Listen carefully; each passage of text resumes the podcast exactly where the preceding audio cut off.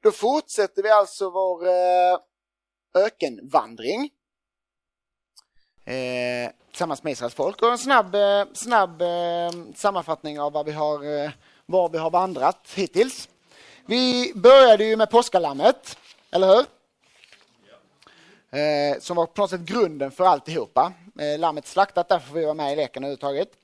Eh, sen var det molnstoden och eldstoden som leder hur Gud vill leda, dels i vårt liv, men också på något sätt hur Gud är den som leder oss fram till tron faktiskt. Redan innan dopet, som vi kom fram till sen, Röda havet, hur vi på något sätt har blivit eh, det gamla, det som håller slaveri, har blivit dränkt så vi får vara eh, fria från det och gå in i, i vandringen med Gud. Sen kom vi fram till eh, mannat som kom, eh, hur Gud eh, hela tiden förser, att vi måste våga lita på det. Att Gud faktiskt förser, ger dag efter dag det vi behöver. Eh, så vi kan söka honom först istället för att söka allt andra. Eh, sen var det vattnet ur klippan, hur Gud eh, är tålmodig och ger folket vad de behöver fastän de egentligen bara klagar och är otåliga. En proklamation av Guds tålamod tycker jag på ett tydligt sätt. Och även hur den här vattenkällan får finnas mitt i öknen, även i våra liv. Eh, Jesus då, det levande vattnet. Och sen var det striden mot amalekiterna. Vi pratar om bönens roll. Gemenskapsbönen ska vi prata lite mer om sen. Men också det här bönen som arbete. Att på något sätt bönen faktiskt gör skillnad och vi kallar det till det. Eh, och sen var det då Jetro, eh, Moses svärfar, som fick komma och påminna Mose om att vi inte kallade att göra grejer själva, utan vi kallade till gemenskap i allt. Eh, och det påminner han också om oss om där. Gick det bra att hitta någon eh, bibel eh, eller bönepolare under pausen? Ni behöver inte eh, utvärdera det här nu, men om det var någon som missade missade denna pausen så kan ni göra det sen. Och jag menar allvar med det. Jag tror faktiskt det är skillnad. Ytterst sett tror jag det handlar om liv och död. Om jag ska vara ärlig. Det är så totalt avgörande om vi har någon att dela vår kristna tro med eller inte. Sen måste ni inte göra det just idag på detta sättet, klart så. Men jag tror det är så vansinnigt viktigt. Så gör det för allt i världen. Uh, yes, och då är vi framme vid det som är liksom höjdpunkten lite vid, eh, i, i ökenvandringen. Och där är vi i kapitel 19. Vad står det i era rubriker när vi kommer fram till Andra Mosebok 19? Då har vi vandrat ett tag och rubriken där är Vid berget Sinai står det i min bibel och i någons mer. Ja, och eh, här stannar alltså Israels folk ganska lång tid. Hittills har vi sett att de har vandrat och olika saker har hänt. De har gått genom öknen. Nu är de framme i, Sin, i Sinai berg. Eh, en parentes är ju självklart, det glömde jag kan säga innan, att Gud leder dem inte raka vägen. Det hade ju tagit typ tre, fyra dagar kanske att gå raka vägen. Men Gud leder dem ju så här ungefär. Och det är ganska spännande också med tanke på Guds ledning. Men de blir väldigt beroende av honom och de lär sig väldigt mycket av honom. Så kan det vara ibland. Eh, och nu är vi framme vid berget Sinai som ligger mitt på, den, eh, på halvön där. Och här stannar folket ett bra tag. Nämligen om vi inte mäter i tid utan i bibelböcker så stannar de här fram till fjärde Mosebok kapitel 10. Så det är ganska långt, eh, långt stycke de är här vid berget. Och varför då? Jo, här händer massvis. Gud uppenbarar sig i eld och rök uppe på berget. Han talar till Mose, Mose går upp till berget, Mose får budorden som ni vet, kommer ner med budtavlorna och så eh, ger Gud ytterligare instruktioner. Han ger hela lagen. Detta är liksom höjdpunkten. I, eh, för en jude så är detta liksom, det här, var, det här är liksom den stora grejen. För oss är liksom korset, det är det grejen. Detta är liksom, här gav Gud sitt ord till människan. Detta är så oerhört stort för Mose, eller för, eh, för judarna. Och även för oss såklart. Eh, och för Mose också tror jag. Precis. Han får ju faktiskt se Gud, så att det är ganska stort. Skulle man kunna Eh, och Gud är så oerhört tydlig. Gud är oerhört, liksom, de slår läger där vid berget och sen så går Mose upp och så är det eld och rök och jordbävningar och dån. Och sen kommer Mose ner och säger Gud har sagt att och så går han upp igen och så Gud har sagt att. Och Gud är liksom verkligen så tydlig och så konkret. Och det är häftigt. Eh, och jag vill bara skicka med det också, har vi en förväntan på att Gud är en levande och verklig Gud? Har vi det? På att Gud faktiskt är en Gud som brum, det dånar och smäller och Mose får prata med honom och veta detta sa Gud. Det är så lätt, alltså, det är så lätt att vi skruvar ner förväntningarna på vår Gud. Men är Gud en levande Gud så får vi också förvänta oss att han kan möta oss på ett verkligt och levande sätt. Det tror jag är jätteviktigt faktiskt. Att vi har en förväntan på Gud. Samtidigt, eh, så, eh, så är det så oerhört viktigt att komma ihåg detta att vi söker ju Gud, inte upplevelsen av honom. Är ni med? Någon här som skulle vilja vara vid, som Mose då, få gå upp och se Gud. Gud håller för hans ansikte. Det är ganska häftigt egentligen. Gud står på berget, eller Mose står på berget, Gud går förbi och lägger handen för ansiktet på dem, för han klarar inte av att se Gud. Och så, sen går han liksom vidare, så står det där. Och att, Gud, att Mose får se Gud på ryggen. Liksom. Och då lyser det från Moses ansikte, så han går ner till folket i läget så bara ding, så är han som en lyktstolpe för att han har fått möta den levande Guden. Och den förväntan får vi ha på Gud, att Gud faktiskt vill ge, kan ge, möta oss på ett så konkret sätt, ge oss ljus liksom på riktigt. Och så samtidigt då, så oerhört viktigt att påminna oss om detta, att det är Gud vi söker, inte det han ger eller det sättet han ska möta oss på. Alltså det är Gud vi söker. Det är så lätt att gå in på en lovsångskväll och tänka, för jag gött att om jag fick lite känslor nu. Och det är gött att ha förväntan med Gud. Gud, jag vill möta dig på ett konkret sätt. Jag vill gärna det. Men, jag pratar, men ytterst sett Gud, så är det dig jag vill möta. Jag vill att du ska få möta mig på det sätt som du vet att jag behöver. Är ni med? Så att vi inte målar upp, jag menar Israels folk, om de tänkte så här att från och med nu så kommer Gud liksom eh, göra så här alltid. Så blir det ganska dumt för att Gud är, möter oss på olika sätt hela tiden. Det är viktigt att ha med sig det med. Men det som är eh, Gud budorden, vi kunde pratat jättemycket om det med. Men sen fram till eh, är det en viktig poäng som jag vill lyfta fram i kapitel 25. Eh, kapitel 25 till 31, det är sex kapitel där. Och där står det så här, lagar för tabernaklet. Kapitel 25 till 31.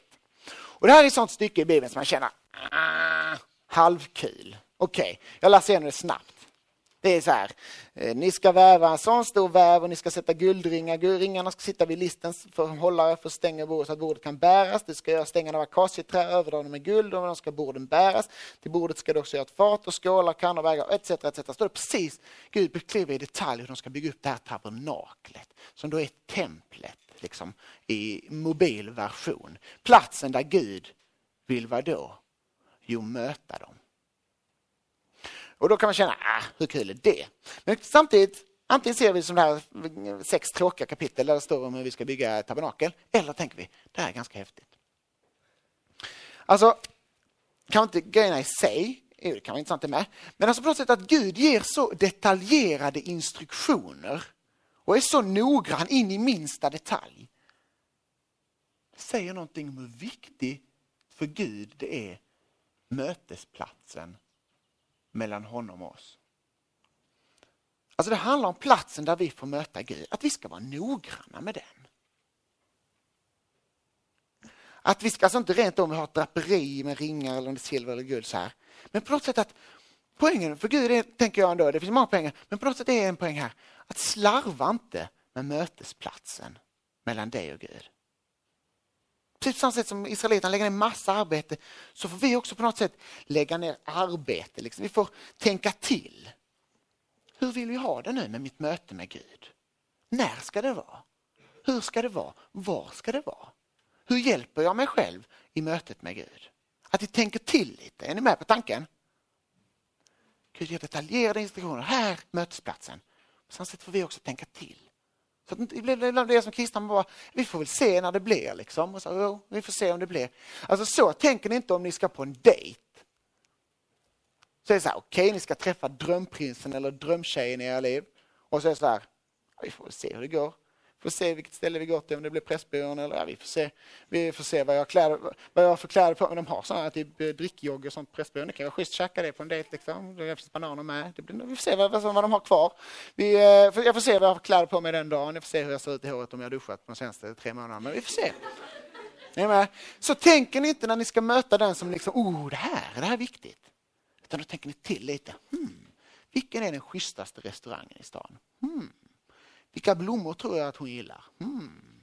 Vilka kläder ska jag ha på mig idag? Hmm. Ska jag borsta tänderna innan? Mm. Ska jag duscha? Ja. Ni, ni fattar poängen. Vi tänker till därför att det är ett viktigt möte för oss. Och mina vänner, är mötet med Gud viktigt för dig? Gött Axel. Och alla andra också. Det är viktigt för oss. Och därför får vi också tänka till. Det blir så lätt, eh, jag menar inte att, jag vet att det är så, det är så lätt när jag går och lägger mig på kvällen så blir jag så här, hur blev det idag? Nej, det blev inget idag. Det blev inget gudsmöte idag. Nej, det var synd. Vi får se om det blir något imorgon. Jag har så oerhört svårt för det själv. Och jag vet därför att jag antar att, jag hoppas inte det bara jag. Eller på ett sätt hoppas jag det bara jag, så att ni har det mycket lättare. Men ni förstår poängen. Det är så oerhört lätt att det bara blir, det får bli som det blir. Ta med detta tabernaklet-tanken. Alltså, tänk till, vänta nu. På torsdag mellan tre och fem, då har jag inget. Och om jag gör läxan på onsdag kväll istället, då har jag ju tid mellan tre och fem på torsdag eftermiddag. Ah, och då kanske jag kan tända ett ljus, för det gör att jag koncentrerar mig lite bättre. Och då kan jag stänga av min mobiltelefon. Ah! Och jag kan ju se till att jag inte har glömt min bibel i skolan den dagen. Så att jag har den med mig. Det är ofta så. Det händer ofta, eller True story.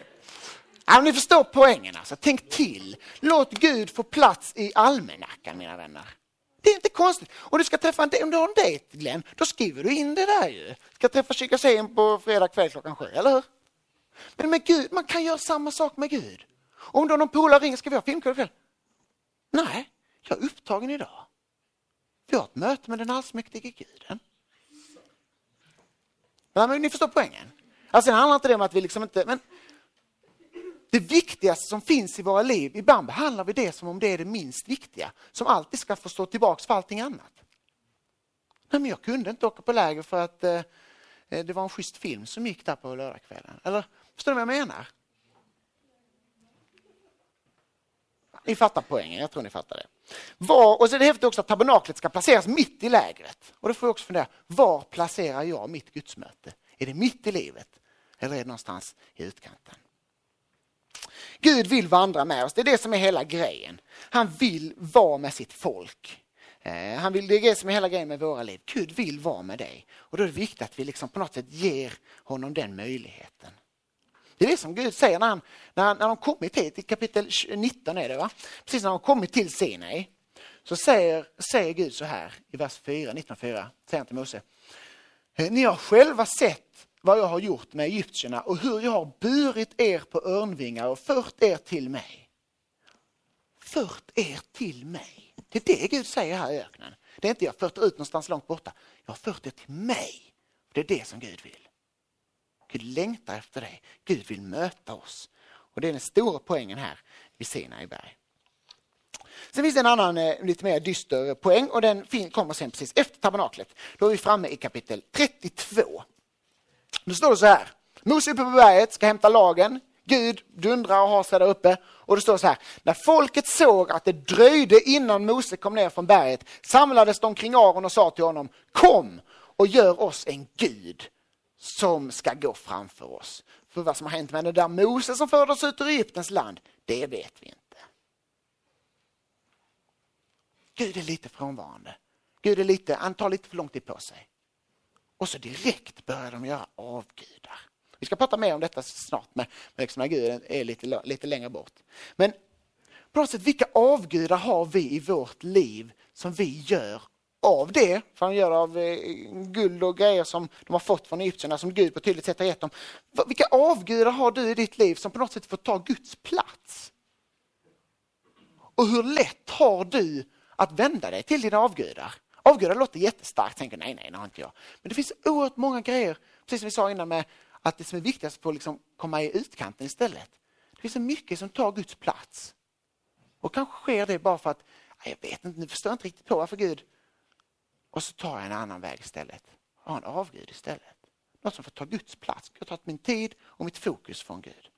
Eh, och det är lite rannsakande det. Och så finns det också en väldigt spännande tanke för det andra här. Att de har sett allt detta fantastiska. Gud har lett dem genom öknen, eh, genom havet. Han har eh, räddat dem. Han ger dem mat varje dag. Han ger vatten som springer fram ur en klippa.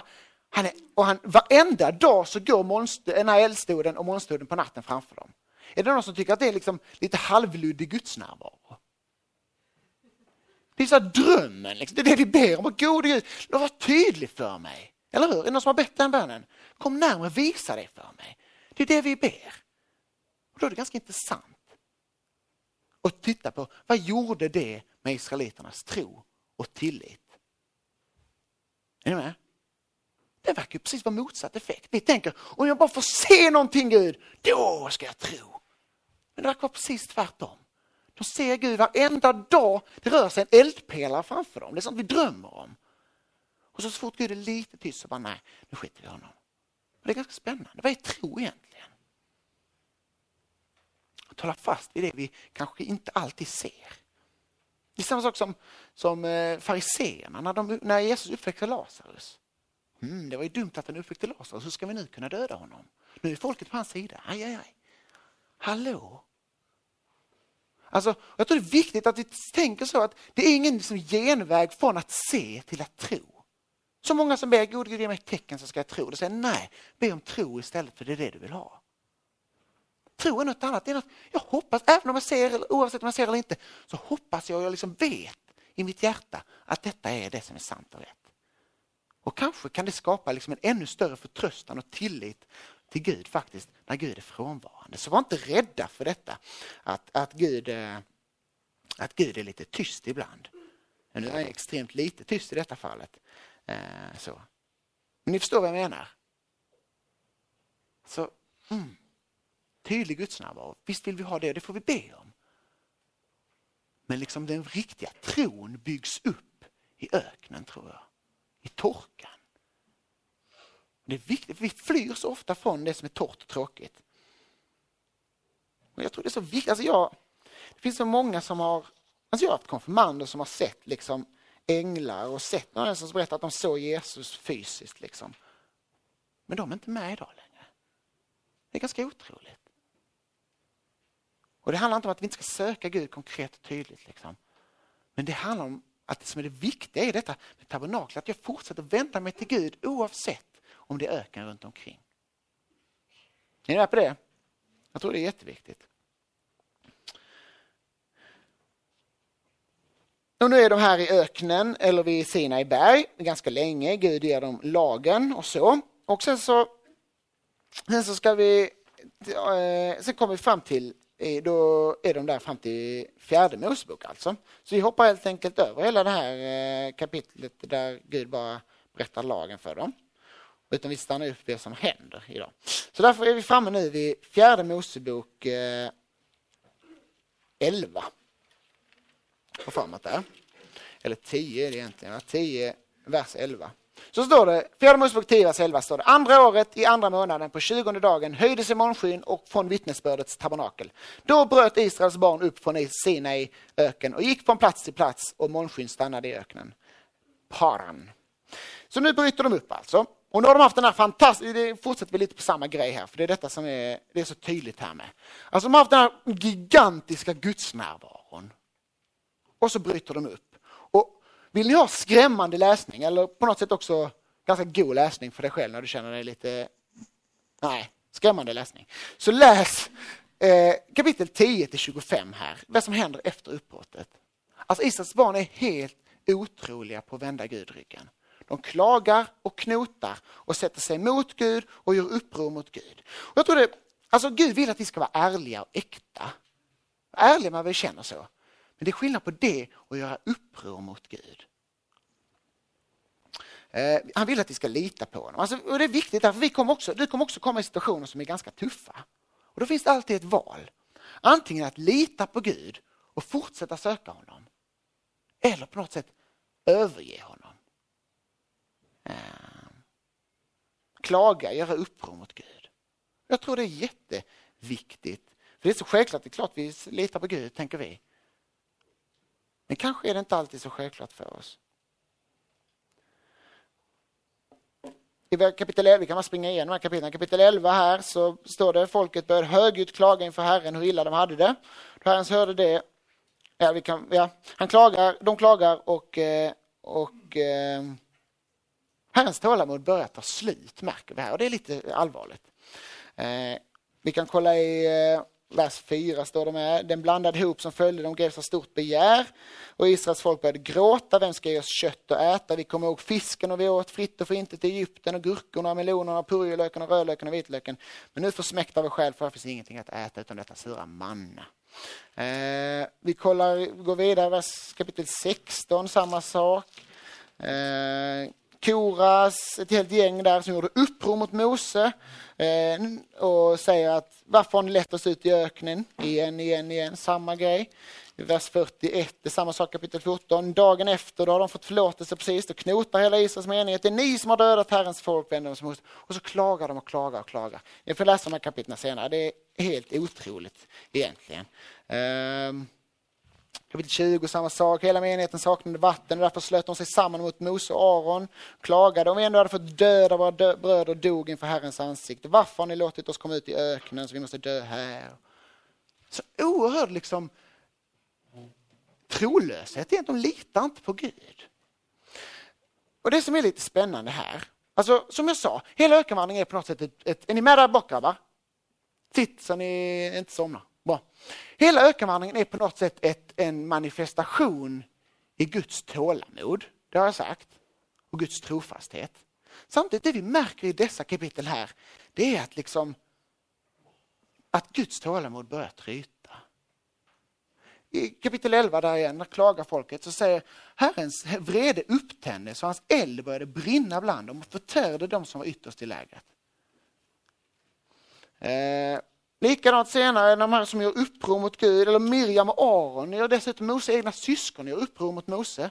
Ah, varför ska du bara få tala från Gud? Liksom? Slår Gud eh, Miriam med spetälska.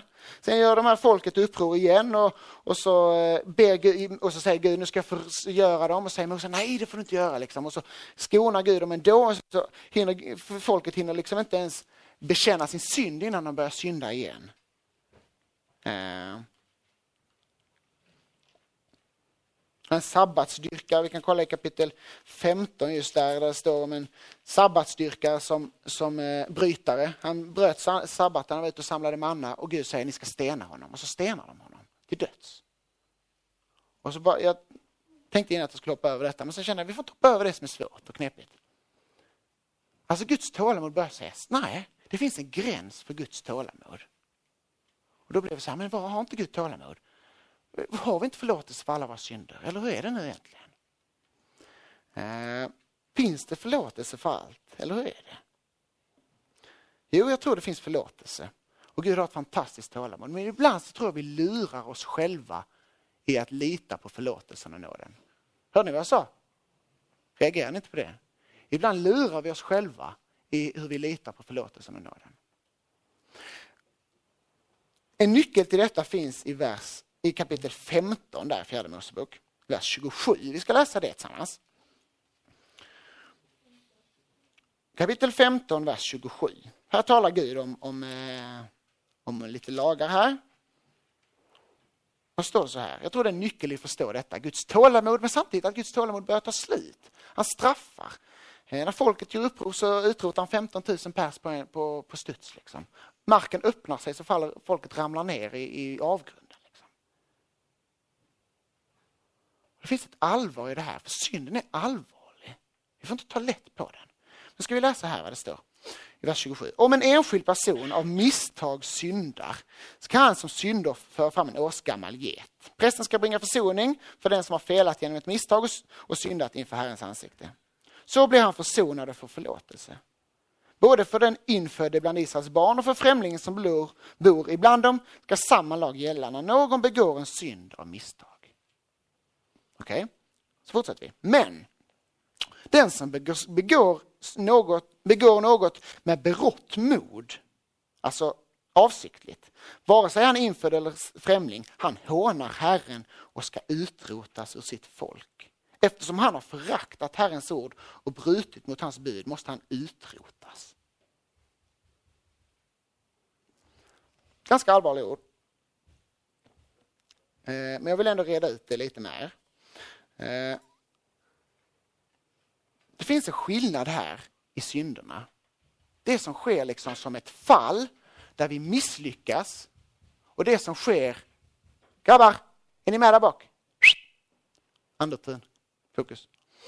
Det som sker liksom som ett fall där vi misslyckas och det som sker liksom som står med upprätt arm, alltså i medvetet uppror mot Gud.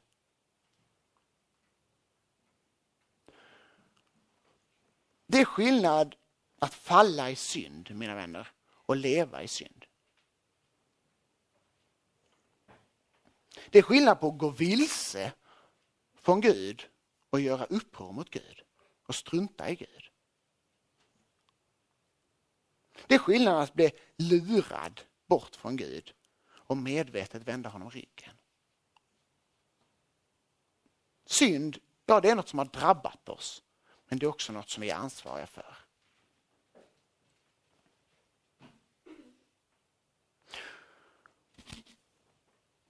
Alltså det finns alltid förlåtelse att få, ja. Om det finns en bön om förlåtelse.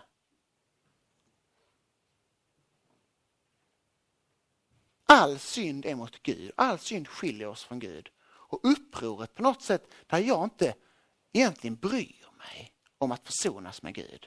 Där har Gud inget tålamod. Och det är oerhört allvarligt. Alltså sen gränsen mellan medveten och omedveten synd, den är, kan inte vi avgöra. Jag kan inte säga om det är en medveten eller omedveten synd. Det får på något sätt visa sig i, i människan själv. Och det visar sig också i, eh, i hjärtats ånger. Alltså ångrar jag mig på riktigt, jag är orolig, förlåt liksom. Då har jag liksom ändå fokus på Gud och då erbjuder total nåd och total förlåtelse. Men man, jag tror man kan sitta med, med i kyrkans tros, eller syndabekännelse fast man är inte där med sitt hjärta. Man tänker, ah. Och då är det oerhört allvarligt. För där står Gud är densamma igår och idag. Eh, alltså finns det en sann ånger och en sann längtan efter Gud. Det är allvarligt. Vill vi ha med Gud att göra, ja, då finns det förlåtelse. Och vill vi på djupet det, men Guds tålamod räcker inte alltid till för... Alltså det finns en gräns, han ger oss chansen. Men på något sätt när vi förhärdar vårt hjärta säger nej Gud. Hela tiden fortsätter klaga, fortsätter vändas bort från Gud, fortsätter göra uppror. Och det är liksom synd, det är inte bara den synden mot Gud, det är, alltså synd på är hela livet, allt vi gör som är fel. All synd är ju synd mot Gud. Alltså det handlar om, jag menar, det är så lätt att vi har en kategori vad som är synd. Jag menar svära är synd, det skulle ingen av er vilja göra här. Ställa sig och svära en förbannelse. Liksom. Det gör vi inte som kristna. Men att liksom snacka skit om en lärare. Ja, det är synd. Det är precis lika mycket synd. Då är det bättre, bättre att du ställer ut i skogen och svär och förbannar Jesus. För det är synd på samma sätt. Det finns ett allvar i synden. För det stör ingen annan om du står där ute. Stör bara för dig själv. Det finns ett oerhört allvar i synd. Och, och, och på något sätt finns finns det en medvetenhet om att Gud faktiskt en dag kommer, kommer Guds dom drabba det som inte är försonat. Det gör mig på något sätt lite att ja, jag vill ha det rätt ställt med Gud. Lite, lite gudsfruktan på något sätt. Hur är det ställt i ditt liv? Jag vet inte. Luther säger en sak som är ganska spännande. Han säger, när jag kommer till himlen kommer två saker förvåna mig. Eller tre säger han egentligen, men det finns två som är viktiga nu. Det ena är de som jag trodde skulle vara där men inte var där. Alltså alla de som jag trodde var med, men så var de inte med. De var, dök inte upp i himlen för de hade inte kommit dit. Och det andra som förvånar mig kommer vara de som är där som jag inte trodde skulle vara där. Alltså hur har du det i ditt hjärta? Det är det det handlar om här. Folket gör uppror mot Gud gång på gång på gång och därför tänds Guds vrede mot dem. Så en viktig fråga, är Jesus viktig för dig? Alltså behöver du förlåtelsen ytterst sett? Behöver du den? Eller rycker du på axlarna inför den? Jag tror, oh, det vill jag skicka med som tips. En viktig fråga, ställ den till dig själv. Är Jesus viktig för mig? Är Jesus viktig för mig? Det blir så lätt när vi, när vi ska försöka ha någon slags, sätta någon slags temp liksom på vårt andliga liv. Så tänker vi, hur mycket har jag läst Bibeln sista veckan? Hur mycket har jag bett? Hur mycket känner jag? Hur mycket har jag vittnat? ah, det ser ganska taskigt ut kanske, eller jo, det ser ganska bra ut. Ställ inte de frågorna, eller kan ställa dem också, men den viktigaste frågan är, är Jesus viktig för mig? Behöver jag Jesus? Och hur är tendensen? Blir Jesus viktigare för mig? Eller blir han mindre viktig för mig? Förstår ni vad jag, vad jag är ute efter? Liksom? Alltså det här beroendet att jag behöver faktiskt Jesus, för jag behöver förlåtelsen. För jag har det i mitt liv som är uppror mot Gud. Det är ett hjärta som, är, som hela tiden vill vända sig mot Gud. Jag behöver det Jesus. Men om du tänker så här, nej Jesus, äh, vad ska jag egentligen med honom till? Vad ska jag med hans förlåtelse till? Alltså då, är ju, då, har du inte, då har du inte insett att du behöver honom. Och då, då det, lever du på något sätt i uppror mot Gud. Förstår ni vad jag menar? Ganska allvarliga ord, men det är oerhört allvarliga texter här när Gud utrotar 15 000 pers på studs för att de har gjort uppror mot Gud. Ehm. Det finns alltid förlåtelse igång och det är det som är, som är liksom Bibelns budskap. Gud erbjuder gränslös förlåtelse mot dem som kommer och sträcker ut sin hand och säger jag vill ha förlåtelse, jag behöver dig Jesus. Fritt och förintet. Ni vet Petrus liksom. Ni vet förlorade sonen som på något sätt faktiskt vänder sig bort. Han gör uppror. Men sen kommer han till besinning. Nej, jag vill hem igen. Jag vill hem till Fadern. Och då tar Gud emot gränslöst. Men hade han suttit kvar där borta, ja, då hade han inte kommit hem. Vi ska snart avsluta här.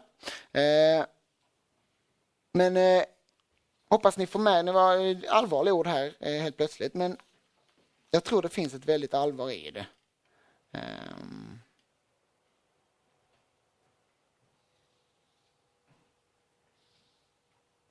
Yes, eh, det som händer eh, sen, som ska avsluta med några tankar här bara.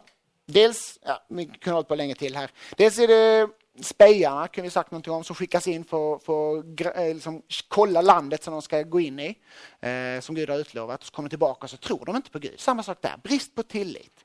Men också på något sätt ett, en uppmaning att våga gå i det som Gud har sagt, oavsett hur omständigheterna ser ut.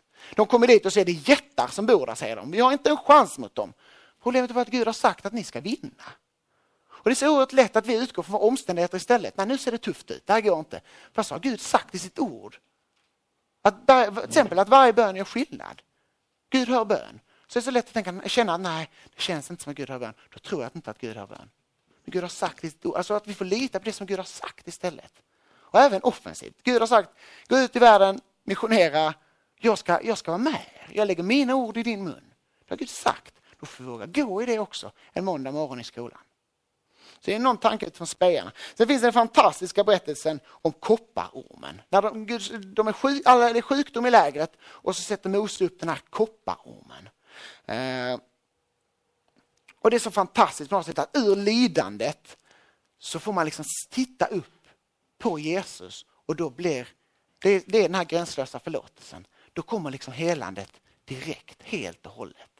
Eh, att Jesus på något sätt, vi kollar inte så mycket på oss själva som på, på Jesus. Han har gjort det och det är det som grundplåten som vi pratade om från början med påskalammet. Det är det som gör att vi överhuvudtaget är med i matchen.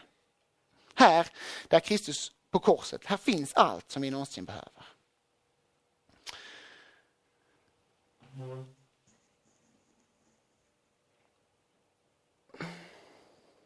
Till sist vill jag bara säga något om detta att det är ökenvandring.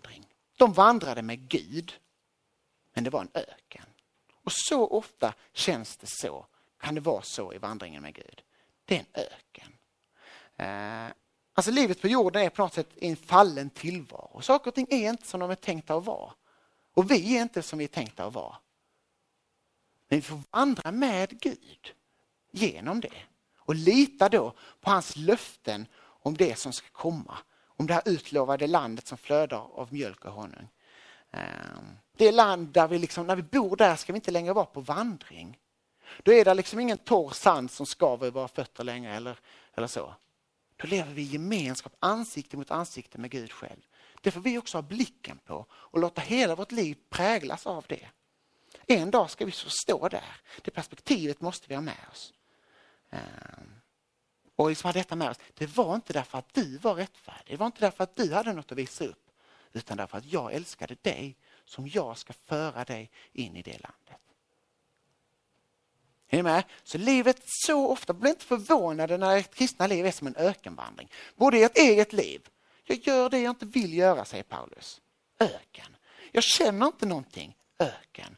Jag liksom, eh, har det jobbigt i livet, det är öken. Men Gud är trofast, han vandrar med och han leder oss in i den perfekta tillvaron. Det är värt att hålla fast vid det, hålla oss nära Gud. Faktum är att det finns ett allvar i det. Inget av de folket som drog ut ur Egypten, förutom Josua, får komma in i landet. Alltså, Jesus säger att vägen är smal till himmelen. Men den är vidöppen om vi går med i Jesu hand. Liksom. Och så finns det två sorters öknar. Allra sist. Det finns två sorters öknar. Jag tänker på heliga ande som drev Jesus ut i öknen. Alltså när det är torrt, trist i ditt, i, i ditt liv, du känner att Gud känns långt borta. Så ha med dig detta att anden drev ut Jesus i öknen. Alltså Gud ledde honom ut i det som är torrt. Det är så oerhört viktigt att vi har med oss det perspektivet. Men så finns det en annan öken också. Då tänker jag mer som öken som den förlorade sonen var i. När han satt där, han fick inte ens mat av grisarna. ensam och övergiven, öken. Var det Gud som hade lett honom ut i den öknen? Nej, det var han själv och hans uppror som hade lett honom ut i den öknen.